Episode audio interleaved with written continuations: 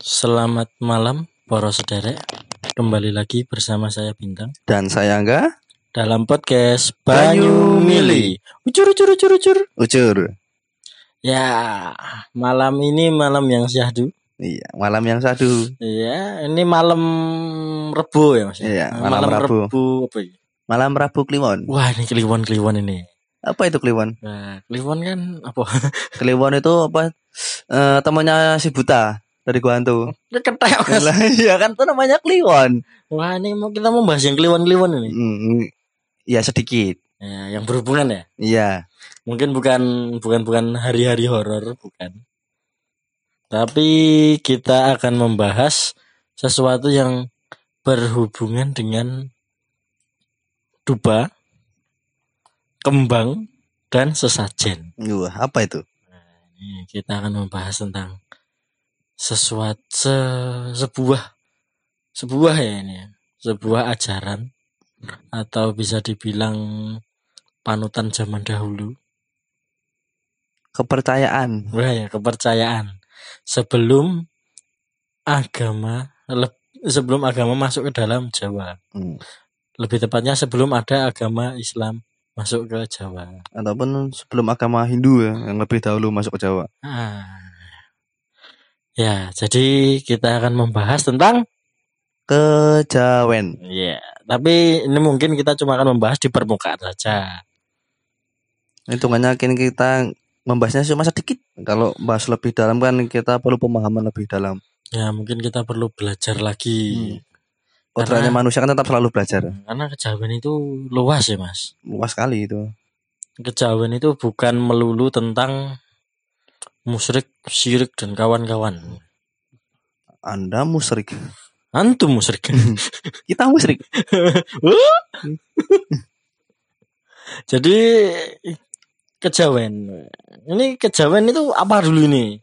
Kejawen itu sebenarnya adalah suatu tata cara atau aturan dalam kehidupan baik sesama manusia sesa, eh, dengan alam dan para leluhur juga. Dan juga yang paling terpenting kepada Tuhan Yang Maha Esa. Hmm.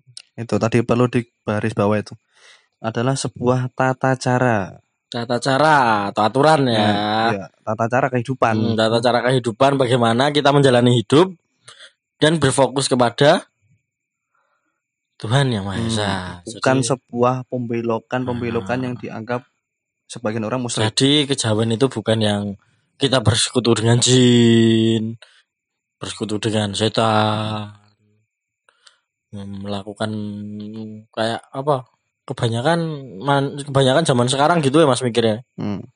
Sidik-sidik, sidik, sidik-sidik kafir. Padahal itu kan hanya oknum-oknum saja. Nah, mungkin beberapa orang tertentu yang berpikir ini ini ku jelek ini jelek nih. Padahal ya belum tentu juga itu jelek. Ya, kalau muka Anda memang jelek, Mas. Jangan lama-lama bilangnya. Eh tadi di Instagram bagus loh. Jangan lupa follow Instagram saya ya. Itu- Itu bintang LAW. Itu tadi foto berapa kali dapat kayak gitu Hah? fotonya? Oh, saya nggak gagas sih Mas yang motor kan adik saya. saya cuma ngatur ini aja. Itu tadi, kejawen adalah tata cara kehidupan untuk berhubungan dengan alam, leluhur, sesama manusia dan Tuhan yang Maha Kuasa. Jadi itu bukan seperti persepsi-persepsi kebanyakan orang yang menganggap itu adalah sebuah pembelokan ataupun eh, penyelewengan yang melanggar agama. Karena kan sebelum agama masuk di tanah Nusantara Tanah kita, Jawa lebih tepatnya Mas. nah itu itu kan mereka sudah lebih dulu menggunakan eh, tata cara kehidupan yaitu kejawen. Jadi walaupun begitu kan mereka tetap eh apa namanya hitungannya tetap berhubungan baik sesama manusia, alam dan Tuhan. Nah, jangan lupa para leluhur Nah, juga. baru juga karena kan sebenarnya kan alam dulu kan lebih baik ya daripada alam zaman sekarang ya. Ya, zaman dulu itu masih hijau-hijau. Belum ada polusi masih sedikit. Hmm. Karena mereka tetap menggunakan tata cara kehidupan yang baik dan benar. Hmm, jadi istilahnya zaman dulu itu masih melestarikan eh, lingkungan, Ya, mereka menjaga titipan Tuhan. menjaga dan memanfaatkan. Nah, itu yang paling penting. tapi tidak memanfaatkan secara berlebihan. Kalau sekarang juga hijau Mas. Apanya yang hijau mas? Grab dan Gojek. Kan reboisasi di jalan itu hitungannya. Anda menyebut merek gitu. Waduh. Eh, tapi kalau nggak ada Gojek dan Grab ya makan mungkin butuh ada usaha masak sekarang kan tinggal mager pegang HP pesan sini pesan sini pesan sini Lek lek lek promosi lek. ya mau pakai promo Kita promosi ini belum ada Anu. AC-nya loh. ya belum ada Promosi. saya belum ada endorse. Ya, promosi. Kita promosi gratisan kita menyenangkan mereka nanti. Ya, jadi kembali lagi dari tadi mungkin memang kejawen itu ada se- sebelum eh bukan sebelum kejawen itu ada berbarengan atau pada saat orang Jawa itu ada istilahnya. Eh, jadi mungkin kalau dengan agama ya Mas ya, kejawen itu memang tidak bisa dilepaskan dari agama. Karena yang pengikut kejawen rata-rata lebih eh, menjalankan agama sih mas. Kalau Yang kejawen zaman murni ya? sekarang, Yang nah, kejawen murni. anu, ya ya pokoknya kejawen lah. Nah, Jangan kejawen untuk- bukan yang oknum-oknum yang Ah, kejawen gitu. Bukan oknum-oknum yang bilangnya kejawen padahal dia cuma cari pesugihan atau memang mau dia cuma cari jadi dukun gitu. Karena kan sebenarnya kejawen itu olah rasa, olah batin. Ya itu mas J- kejawen itu memang lebih ditekankan ke rasanya. Nah, itu. Hmm. Karena kita harus tahu olah rasa, olah batin agar men- menjadi yang sebenarnya manusia. Ya. Yang kan kita kan titahnya kan menjadi khalifah ya. Khalifah. Nah, pemimpin dunia. Iya ngono lah. Nah, ya kan in- intinya kayak manusia kan sebenarnya harus jadi itu. Makanya kan di dalam Jawa kan kita melatih olah rasa, olah batin untuk menjadi yang sebenarnya manusia. Bukan menjadi oknum-oknum nah, Ya. yang merugikan orang lain Ya, jadi jangan dipukul rata ya. Nyon tulung nih. tadi. Kita ambil contohnya tadi kan tata cara kehidupan sesama manusia, alam, Sesama leluhur. manusia sas- tadi sama alam udah ya Mas ya? Alam belum, Alam belum alam. alam belum. Manusia dulu kalau gitu. Kalau sama manusia kan Hmm. intinya kan kita tetap eh, menjaga silaturahmi, tetap Hmm. berhubungan baik dengan sesama manusia. Sesama manusia jadi ya dolan ke tempat siapa gitu yang sopan tetap ya. Jangan ada dendam di antara kita. Tetap tolong menolong. Nah, toleransi beragama jangan lupa. Nah, itu yang Nah, paling penting. itu penting itu. Ada yang satu lagi azan terus yang satu marah. Yang satu lagi mau ibadah ke gereja. Ada yang marah. Itu biasanya sih oknum-oknum itu, Mas. Oknum itu nggak boleh Hmm, kita nggak semua boleh. itu selengah gitu. Itu hanya oknum yang eh, pemikirannya kurang paham, kurang Hmm. luas pemikirannya. Yang kurang rileks, Mas. Nah, itu mainnya kurang jauh itu, Mas. Hmm. Sama ayam, jawaban ayam mainnya kalau kayak gitu. Kok iso karo ayam ini? Kan ayam kalau main kan paling pekarangan doang. Oh iya. Nah, dia cuma halaman depan. Karena Jadi- pikirannya tuh buntu Anu, gitu. cupet, Mas. Nah, itu. Ya, jadi harus saling toleransi Hmm. juga sesama manusia dan sesama umat beragama ya, Mas ya. Hmm, itu yang paling penting. Lalu lanjut lagi, itu manusia sesama manusia sudah cukup sampai situ? Ya kalau manusia kan Ya, memang udah paham masing-masing ya. memang itu Mas kalau antum bukan manusia, ya sesama yang tidak terlihat pun juga harus menghormati itu, jangan lupa. Nah, itu harus kan sama-sama ciptaan. Iya. Yang penting adalah saling menghormati agar tidak terganggu satu sama lain. Hmm, Jadi tidak saling mengganggu. Nah, itu. Istilahnya kalau di Jawa numpang-numpang ya, Mas. Apa wi? Ya numpang-numpang. Numpang-numpang pamane zaman biyen aku arepmu yo ning ngene wit numpang-numpang ngono. Amit amit. Nah, amit-amit. amit amit. Cabang bayi. kok kok dadi ngene iki. Nah, terus kalau untuk ke alam, ini untuk ke alam yang kembali lagi ke tadi eh, memanfaatkan alam eh, tapi juga menjaga alam tersebut agar tidak rusak. Nah, saya tambahin ya kan. Eh di kehidupan kita kita juga mengenal yang namanya energi alam. Wah, ini energi alam ini. Energi alam itu sebenarnya kan bisa kita rasakan dan bisa kita manfaatkan untuk kehidupan. Caranya memanfaatkan piye, Mas? Nah, simpelnya itu yang sudah kita tahu dari dulu kan eh, ada yang namanya feng shui. Wah, iki Feng Shui iki Feng Shui iki apa iki? Ini dari Feng Shui seorang di Mas. Feng shui dari Tionghoa. Nah, dari Tionghoa. Jadi Feng Shui itu adalah monggo dilanjutkan. Feng shui adalah eh, pemanfaatan energi alam untuk menjadikan positif di suatu tempat. menjadikan lebih tepatnya menjadikan lingkungan itu menjadi positif. Nah, itu. Karena kan lingkungan yang positif itu kan nanti berdampak.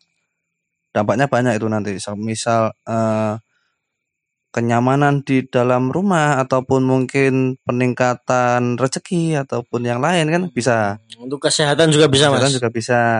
Karena kan kalau simpelnya gini, kita mengatur eh, pintu dan jendela untuk aliran udara masuk di rumah. Nah, itu, itu gitu. salah satunya itu.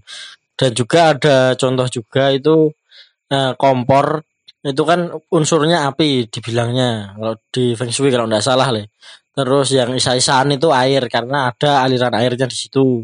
Itu kalau dari Feng Shui kalau nggak salah denger itu mas, itu nggak boleh saling berhadapan. Tapi kalau letter L itu masih boleh. Ya kayak di perumahan-perumahan sekarang gitu ya. Nah, perumahan sekarang kan banyak kan letter L itu.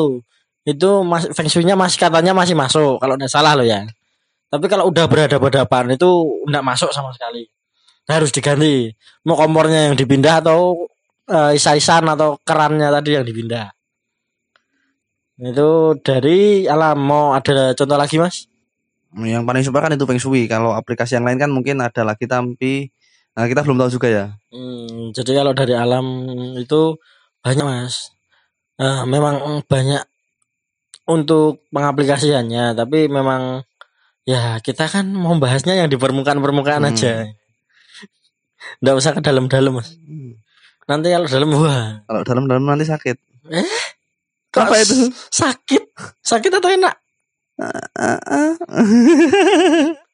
Antum pikirannya. Namanya juga manusia mas. Yo, lanjut kepada para leluhur ini. Nah itu leluhur. Intinya adalah tata cara kehidupan kita dengan para leluhur. Kan tanpa leluhur kita juga tidak mungkin ada ya. Yo Nah. jelas nek kowe mas. Nah itu tadi. Ya tiba-tiba kowe nek mak ceting ngono. Mungkin nek kowe bar keneng snap ae Thanos terus di snap meneh balik lah kuwi mungkin Mas. Kalau tanpa leluhur kita nggak mungkin ada. Kalau Sun Gokong mungkin beda. Kan dari batu. Dia dari batu. Simpelnya adalah semisal ada keluarga kita yang sudah tidak ada. Kan kita tetap mendoakan mereka ya. Untuk dimudahkan jalannya. Ziarah ke makam Nah. gitu loh. Tuh. Intinya simpelnya kita kita ambil bagian simpel-simpelnya aja yang agar bisa dibayangkan kalayak umum ya. Iya, gitu aja. Kita cari yang umum-umum aja yang mungkin tidak terlalu asing di telinga para sederek. Untuk menangkapnya tuh agar gampang.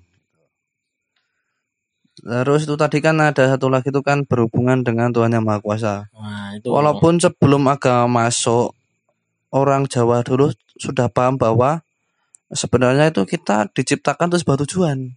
masing-masing manusia itu punya tujuan. Nah, kita diciptakan tidak mungkin semata-mata untuk jadi manusia yang bergerak bebas. Wah, Karena tapi semua itu kan tapi sudah diatur. gini Mas, tapi memang kita punya kehendak bebas. Nah, Itu jangan lupa itu. itu kan hak masing-masing. Nah, Tapi kan kita juga memiliki kewajiban. Nah, kewajiban itu kewajiban untuk berdoa ya, berdoa kepada Beribadah. ah, beribadah Hmm, kepada kepada Tuhan Yang Maha Esa dengan cara apa pun. cara masing-masing. Nah, jadi kejawen itu isti- eh, istilahnya kayak gini. Saya orang Jawa, saya beragama Islam. Mulai. Tapi saya bukan beragama Islam, tapi saya meniru orang Arab. seperti pepatahnya bapak kita Bapak Soekarno kan pernah Iya. mengatakan kalau kamu Islam jangan jadi orang Arab kalau kamu Hindu jangan jadi orang India tetaplah jadi orang Indonesia dengan akarnya harus ingat Jangan lupa tanah air. nah, kan jas merah kan gitu kalau Bung Karno jangan lupakan sejarah Nah, sejarah ini penting sebenarnya, Mas. karena tanpa sejarah itu kan kita nggak mungkin tahu apa pun kita nggak mungkin ada tanpa sejarah Ya, mungkin kita akan mudah dibodohi oleh Nah, bangsa lain mungkin. nah itu tadi Ya, lanjut lagi ini kepada Tuhan. Jadi kita intinya itu kita memang harus berdoa kepada eh beribadah kepada Tuhan Yang Maha Esa dengan cara apa pun. Nah, lanjut ini. lanjut lagi Nah, apalagi Mas ini, Mas? Tuh tadi kan penerangan ya, penjabaran apa itu kejawen yang umum ya. Hmm, Oh ya Mas, sebelum sebelum ke bab selanjutnya tadi saya mau menambahi untuk yang eh yang kepada Tuhan Yang Maha Esa Mas. Itu biasanya kalau orang-orang zaman dulu Mas, itu biasanya itu bertapa di gua gitu. Di gunung. Karena filosofi Mas. Nah, itu filosofinya coba Nah, diterangin dulu. Itu filosofinya kalau yang di gunung dan di gua itu mereka ingin eh suasananya lebih tenang. Jadi ibaratnya kalau di gua ya dia itu bersemedi dan berdoa kepada ber, hitungan is- hitungannya berdoa ya Mas ya. Berdoa hitungannya. Hitungannya berdoa kepada Tuhan Yang Maha Esa itu minta sesuatu. Terus apa itu hening jadi bisa lebih Hitungannya lebih kusuk. Nah, itu namanya bisa lebih kusuk. Nah, berdoa kepada Allah. Terus hmm, jadi lingkungan juga mendukung gitu loh, Mas. Itu jadi pengaplikasian antara alam, Alam. juga. Lalu yang di puncak-puncak gunung itu biasanya berdoa di situ karena dipercaya kalau berdoa di atas gunung itu bisa langsung sampai. hitungannya kan eh, anggapan orang dulu kan Hmm. kalau misal tempat kita lebih tinggi, kita lebih dekat daripada Tuhan. Nah, Jadi doanya lebih cepat lebih sampai. cepat sampai. Itu filosofi ya. Jadi bukan kalau semedi di gua itu musrik itu. Sebenarnya memang bisa musrik. Eh, kalau ini kedengaran ya itu tadi ada suara kereta lewat. Nah, intermezzo sedikit karena ini kita eh, recordingnya ya di samping rel ya rumahnya di samping rel. nah jadi ya mohon dimaklumi Nah, itu tadi perlu digarisbawahi lagi ya tuh kalau Eh. semisal kita bertapa di gua, di gunung, di pantai. memang ada yang mengganggu dari sosok yang tidak terlihat. Kan intinya jangan tapi bagaimana manusia itu juga yang bertapa di situ? Nah. Apakah dia niatnya lurus atau belok-belok? Nah, nah, neng kono mas. Tadi tadi kan kalau semisal kita berdoa itu kan banyak gangguan. Tapi kalau kita bisa tetap berpegang teguh pada keyakinan kita kepada Tuhan Yang Maha Esa, pasti akan diberikan kemudahan di kehidupan nanti. Nah, itu tadi. Hmm. Jadi jangan dianggap kalau orang dulu yang sakti-sakti itu musyrik apa tuh eh, minta kepada jin atau setan Nah, itu enggak. enggak. Itu memang Enggak karena banget, mereka memiliki kelebihan karena mereka tuh berpegang lurus kepada Tuhan Yang Maha Esa dan diberikan izin untuk Jin. memiliki kelebihan-kelebihan tersebut. Itu yang zaman dulu tapi kalau zaman sekarang ya Sekarang ya nggak tahu. ya Allah walam Nah, lah itu kan banyak pembelaan-pembelaan dari oknum Kalau zaman oknum sekarang- manusia juga dan oknum hal-hal gaib juga. Zaman sekarang antum masuk ke gua semedi di situ langsung dicap musyrik. Kalau sekarang masuk ke gua di, di apa sih? ditarik tiket ya, Mas? Dari tiket man. Eh, kayak gua Gong Pacitan atau kan jadi tempat wisata. Nah, dari tempat wisata ada, tapi masih ada mas gua-gua yang memang khusus untuk eh, ritual itu masih ada. Masih ada dan mungkin ada yang belum ditemukan sampai sekarang ya. Ya mungkin ada yang juga belum ditemukan karena ya aksesnya susah mungkin. Tertutup alam. Memang disembunyikan oleh alam. Nah, itu tadi. Ya lanjut ini ke materi berikutnya. Nah, mas. Selanjutnya apa ini mas? Selanjutnya kan mungkin kita penerangan tentang filosofi-filosofi lagi tentang Jawa yang Oh, digunakan filosofi. yang mungkin dianggap orang itu musyrik. Wah ini Nah itu. sesajen. Nah itu. Wah, filmnya akeh- filmnya akeh lagi sesajen. Film apa? Eneng film sesajen. Oh, saya belum lihat ya. Sing main sopo tuh aku lalu bocah sekolah pokoknya. Yuk, ini jadi makna sesajen. Sesajen itu sebenarnya bukan untuk apa nek zaman saiki kalau zaman sekarang itu sesajen banyak diartikan sebagai eh, persembahan untuk jin ataupun setan. Padahal sebenarnya sesajen itu untuk apa, Mas? Untuk sajen. Sesajen itu sebenarnya untuk penghormatan. Hmm. Sebuah penghormatan. Jadi analoginya itu kayak orang namu, orang yang bertamu gitu akan diberikan sajian terbaik. Hmm. Jadi istilahnya kalau Mas Angga ini kan lagi posisi main ke rumah saya ini, tak kasih yang terbaik. Apa air putih? Air putih itu terbaik, Mas. Enggak ada lebih baik lagi tuh, Mas. Mentoknya itu loh, Mas. Suram sekali. Nah, Anda datangnya malam-malam sekali ya. Ini harusnya itu jadwal record itu tadi agak sorean. Antum datangnya jam segini kan. Ah ya biasalah, akan ada urusan dulu. Hmm, Urusan duniawi ya. Iya, urusan duniawi. ya tadi kan eh, sesaji adalah persembahan hitungannya kan kepada yang akan datang ya. Su? Hmm, ya hitungannya pada ya sopo lah tamu lah Nah, kan tamu kayak misal lebaran ya, kan kita Hmm. di rumah menyiapkan makanan-makanan yang enak kepada yang bertamu ya, Su, ya. Lah iya. Nah, itu tadi dia. Dan sebenarnya kan sesajen-sesajen itu kan ada filosofi-filosofinya masing-masing ya. Hmm, jadi kalau istilahnya sajen itu untuk eh kalau ada yang datang ya ini sajiannya Hmm. yang terbaik lah yang bisa kita berikan. Ngoten. Terus urusan karo malam Jumat, Mas. Malam Nah, Jumat. malam Jumat. Apalagi malam Jumat yang kliwon. Wah, sunah Nabi, eh, sunah Rasul, Su. Malam Jumat. Kue rasa nganggo kliwon tapi Mas. Malam Jumat ya pokoknya. Tapi ingat saudara harus sudah menikah. Kalau belum menikah, sunah Rasul itu tidak berguna. Kan kalau zaman sekarang kan ya sunah Rasul, sunah Rasul. Padahal itu kebejatan-kebejatan gitu. Nah, cuma itu cuma nafsu. Antum antum. Yo lanjut lagi. Jadi kan biasanya sesaji itu terdiri dari apa sih mas? Saji kan biasanya tuh isinya eh, bunga-bunga. Ada yang terdiri dari bunga-bunga. Ya, bunga-bunga di taman ya. Hmm, Janganlah kau mengganggu. Jangan kau menggoda. Eh, jangan menggoda. Menggoda. Oh, menggoda ya. Nah saya mengganggu ki lebay. Yang mengganggu kan orang ketiga, Cok. Mengganggu hubungan kita. Maksudnya mau curhat. Eh, nggak jadi. Sebenarnya kalau mau curhat dipersilahkan mas. Mumpung ini para sederek mau mendengarkan. Siapa tahu para sederek nanti ada yang tulis komen di bawah nanti atau DM jenengan kan. Mas saya jomblo loh gitu. Hmm, Heeh. Tuh, tuh udah bilang loh. Entah, Cok. Jadi eh sesajen itu terdiri dari bunga. Nah, Nah, bunga itu banyak nih ya. Nah, bunga apa? Melati, terus andel. kandel, kenanga.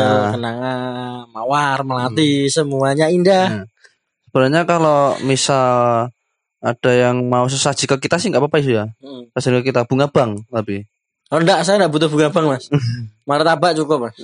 Kalau saya sesajinya bunga bang aja cukup nggak apa-apa. Bunga bang yang cuma 15 rupiah, 10 rupiah. Loh kan kalau tabungan anda 1 m ya bunganya marek cok. itu, kan gitu. itu kalau 1 M, Mas. Tapi kalau cuma 100 ribu, 200 ribu. Seratus ribu anda nggak dapat bunga su. Kayak bunga lima lase. Seratus ribu mau dapat bunga. Bunga Entuk, apa cok? entuk. Bunga kol, Mas. Bunga kal makan daging. Ayam. Makan daging ayam dengan sayur kol. ya, itu bunga macam-macam bunga itu punya filosofi dan arti tersendiri. Contohnya, Mas, bunga kandil. bunga kandil itu mungkin memiliki arti untuk menggapai sesuatu yang untuk menggapai sesuatu tidak cukup dengan berdoa jadi harus dengan tindakan nyata Hmm. ya bingung rang Ya bingung. hmm. coba diterangke Bunga kandil. nah, iki iki ceritane to karo sinau kita jadi kita sama-sama belajar Jadi kan eh, kalau di pepatah Jawa itu adalah eh, ada pepatah Jawa yang mengatakan bahwa untuk menggapai ilmu itu kalakone harus sampai laku apa namanya? Eh, lakone kanthi laku nah, kalakone kanti laku ya itu kan eh, filosofi dari bunga kandil. Hmm. Jadi harus kanti itu kan sampai artinya. Sampai. Harus tetap sampai. Jadi istilahnya itu berarti sama juga belajarlah sampai ke negeri Cina Hmm. itu mas. Wah. Emang bukunya di sana semua ya Mas kalau belajar.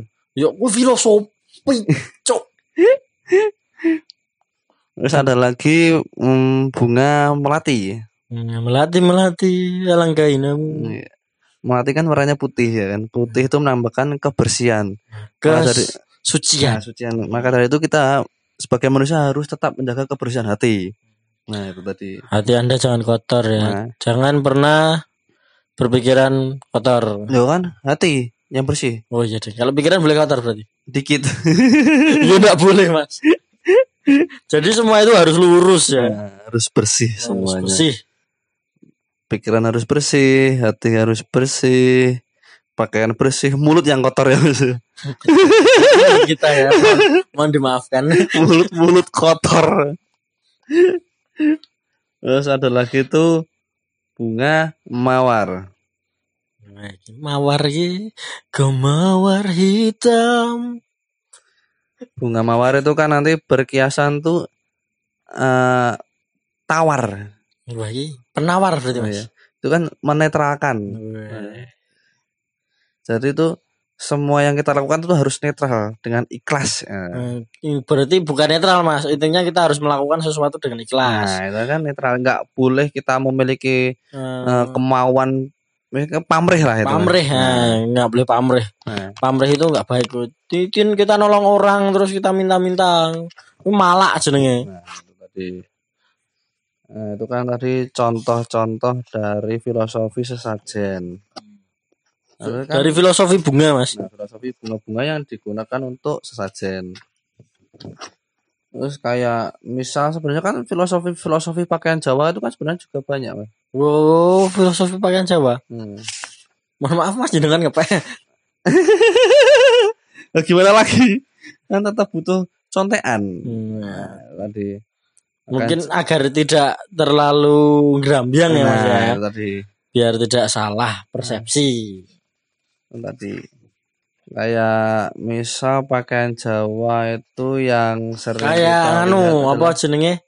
Eh beskap eh beskap. jari. Nah, Nah, jari.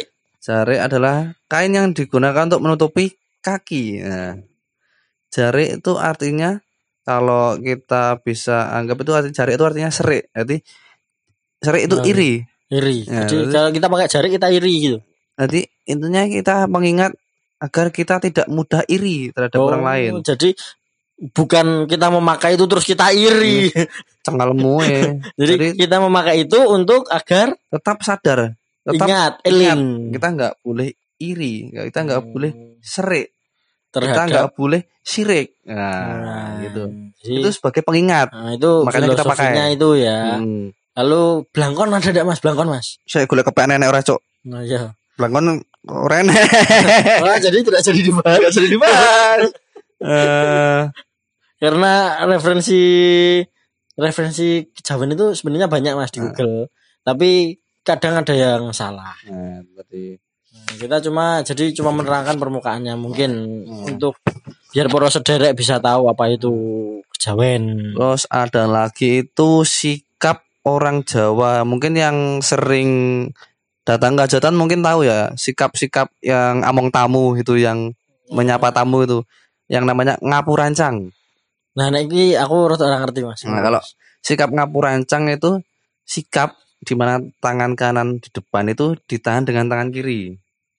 Nah, mungkin Orang kualik tuh. enggak tangan kanan di tangan kiri. Tangan kanan ditahan dengan tangan Nah. kiri ya. Jadi itu artinya adalah kita harus menahan emosi. Nggak boleh maju dulu. Oh, jadi un- sebagai orang Jawa tidak boleh emosian. Nah, nggak boleh emosian. Walaupun Anda mudah emosian, kalau bisa ditahan. Nah, Jangan sampai keluar Hmm. emosinya. kan kita harus mengedepankan musyawarah. Musyawarah dan mufakat Terus ada lagi itu mungkin yang sering kita lihat juga dari orang Jawa itu kerisnya di belakang. Wah, apa itu Mas filosofinya, Mas? Kalau mungkin di daerah-daerah lain kan ada mungkin senjatanya di samping atau mungkin di, Di depan. depan. Nah, itu kan mungkin di daerah daerah Sulawesi atau Sumatera bukan di depan ya. Di depan kalau kalau enggak salah ya, kalau enggak salah. Dia naruh senjata di depan. Jadi kan Hmm.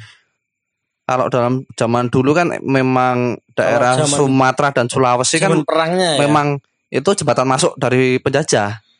Jadi kan memang harus siap siaga. siap perang. Nah, itu siap perang itu kan anggapannya begitu. Kalau dari orang Jawa itu senjatanya di belakang. Itu memiliki filosofi. Itu tadi musyawarah. Nah, Jadi, jadi senjata itu harus ditahan dulu, musyawarah dulu. jadi kalau bisa kita itu ngobrol-ngobrol dulu, dibicarakan baik-baik. Hmm. Eh, apakah bisa menemukan solusi dari pembicaraan tadi atau tidak? Nah, tadi. Hmm, tapi kalau ya nekat sikat aja nggak apa-apa. Cok. Anjing bolok wakah meh ngopo. Oh, anda mengandalkan teman ya? Iya no. Oh, kalau saya sendiri, nah aku dhewe ya klenger. Nah, lelaki macam apa? Beraninya main keroyokan. Ya, tadi jadi eh, di kehidupan kehidupan orang Jawa atau kejawen itu kan filosofi itu yang paling penting sebenarnya karena kan setiap gerakan setiap penggunaan benda atau Itu mungkin setiap eh, tata kehidupan Nah. aturan kehidupan Itu memiliki arti tersendiri. memiliki arti masing-masing jadi memang perlu diketahui dulu artinya apa bukan Jadi, langsung menjudge jangan- langsung Jangan langsung menjudge. Ah ini kafir, B ini musyrik, C ini syirik. Yang D Yang D nggak ngomong mas. Enggak yang ngomong. Yang D mau cuma C aja tadi. Hmm. Jadi harus diketahui, perlu diketahui kita nggak boleh langsung menjudge sesuatu itu buruk.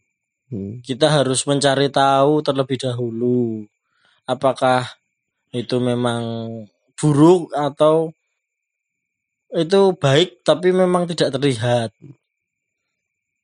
Baik tidak terlihat ya mas. Ya nek baik tidak terlihat. Itu berarti kita tidak pamrih. Wah mantap. Itu tadi. ya. Kan kehidupan itu memang harus dijaga. Posisi anda rileks sekali loh saya lihat ini. sekali. Enak sekali nih pakai mic baru ini. Semoga suaranya tidak terlalu noisy ya. Ini gara-gara kemarin record 3 jam gagal. aduh, aduh. Kita gagal teman saya nggak bisa bisa tidur ya. Tahu-tahu besok-besok dikirimi gambar, wah full set. Aku mikirnya tuh, aduh urunan meneh aku. Udah tanggal tua. Relax mas. Jenengan kurang relax mas. Eh, ini regane pira berarti? Hah? Ya udah usah dibahas dong nanti aja. Kan ada masih utang saya gitu loh. Ya, Jadi kan itu- saya agak tenang. Itu itu relax mas nanti. Jangan ngomong-ngomong utang di sini. Pamali mas pamali. Ya kan Nah. mungkin ada endorse yang mau masuk nanti kan kita nggak tahu. Siapa tahu mau ngirim satu set deh. Satu set Sa apa? amplifiernya. Satu set eh, alat sholat ya. Mau ngelamar antum. ya mungkin eh untuk kejawen sampai di situ atau ada tambahan lagi? Eh, mungkin kita permukaannya kayak gitu dulu. Jadi kita bisa ambil kesimpulan bahwa kejawen itu bukan seperti yang kebanyakan orang pikir. Ya. Jadi kita melakukan eh apa sih perekaman ini ya apa biaya yang ngomongnya. Piye piye piye piye. Jadi kita mengangkat tema ini nah, kita, mengangkat tema ini untuk meluruskan pikiran-pikiran yang mungkin eh, beranggapan buruk terhadap kejawen. Nah, jadi agar bisa diketahui oleh para sederek agar mengetahui ya, kejawen itu eh, tidak melulu musyrik, tidak melulu syirik gitu. Karena kita itu tidak berhubungan dengan jin atau setan. Kita itu berhubungan dengan Tuhan. Alam. eh, leluhur dan juga kepada Tuhan yang Maha Esa. Tuh. Jadi bisa dikatakan memang bisa dikatakan ini tidak musyrik. Hmm. Tapi memang kalau masih ada para saudara yang beranggapan kalau kejawen itu musyrik ya, monggo itu Hak masing-masing. ya. masing-masing. Nggak bisa ngalang-ngalangi saya. Bukan hak. Hmm. Dan kadang ada orang yang diberitahu penerangan penjabaran kan ada juga yang Masih ngeyel. masih ngeyel itu. Ya itu tadi yang pendek-pendek tadi itu loh. Yang pendek-pendek. Yang pendek-pendek itu hotpen tadi loh. Itu langsung mas itu mas. Langsung bawa sesuatu datang. Wah, wah, wah, wah. Bakar. Bakar, bakar ya maksudnya kan bakar Nyate, ikan nah, nyate. Kerincing, kerincing, kerincing. Wah, saya tidak ikut-ikut. Nah. Kok bagus satenya nggak ada, adanya kerincing-kerincingnya aja. Wah, itu saya kabur. saya nggak mau ikut-ikut kalau kerincing-kerincing itu mas. Jenengan mawon. Nah, Kalau kerincing-kerincingan juga ada apa? Jadinya kerincing-kerincing jatilan. Jadi oh seben- sebentar mas, ada tambahan lagi ndak? Sebelum kita tutup Hmm, saya sih udah, dari jenengan udah. udah. Kalau mungkin ada tambahan, mungkin bisa dimasukkan ke episode berikut-berikutnya. Episode ke depannya lah. Mungkin untuk kejawen 2.0. Hmm, 2.0. Ya. Nanti biar kita angkat lebih dalam lagi. Ya, mungkin Angkat lebih dalam. Kowe arep ngangkat apa arep mlebokke, Nah. Mas? Itu itu sebuah kontradiksi kata itu sebenarnya, Mas. Tadi kontradiksi kata. Nah, itu kita perlu belajar ejaannya disempurnakan lebih baik lagi. ya karena ini bahasa Indonesia pun masih medok ya, Mas ya. Eh, Heeh, medok. Sudah, mungkin cukup itu saja.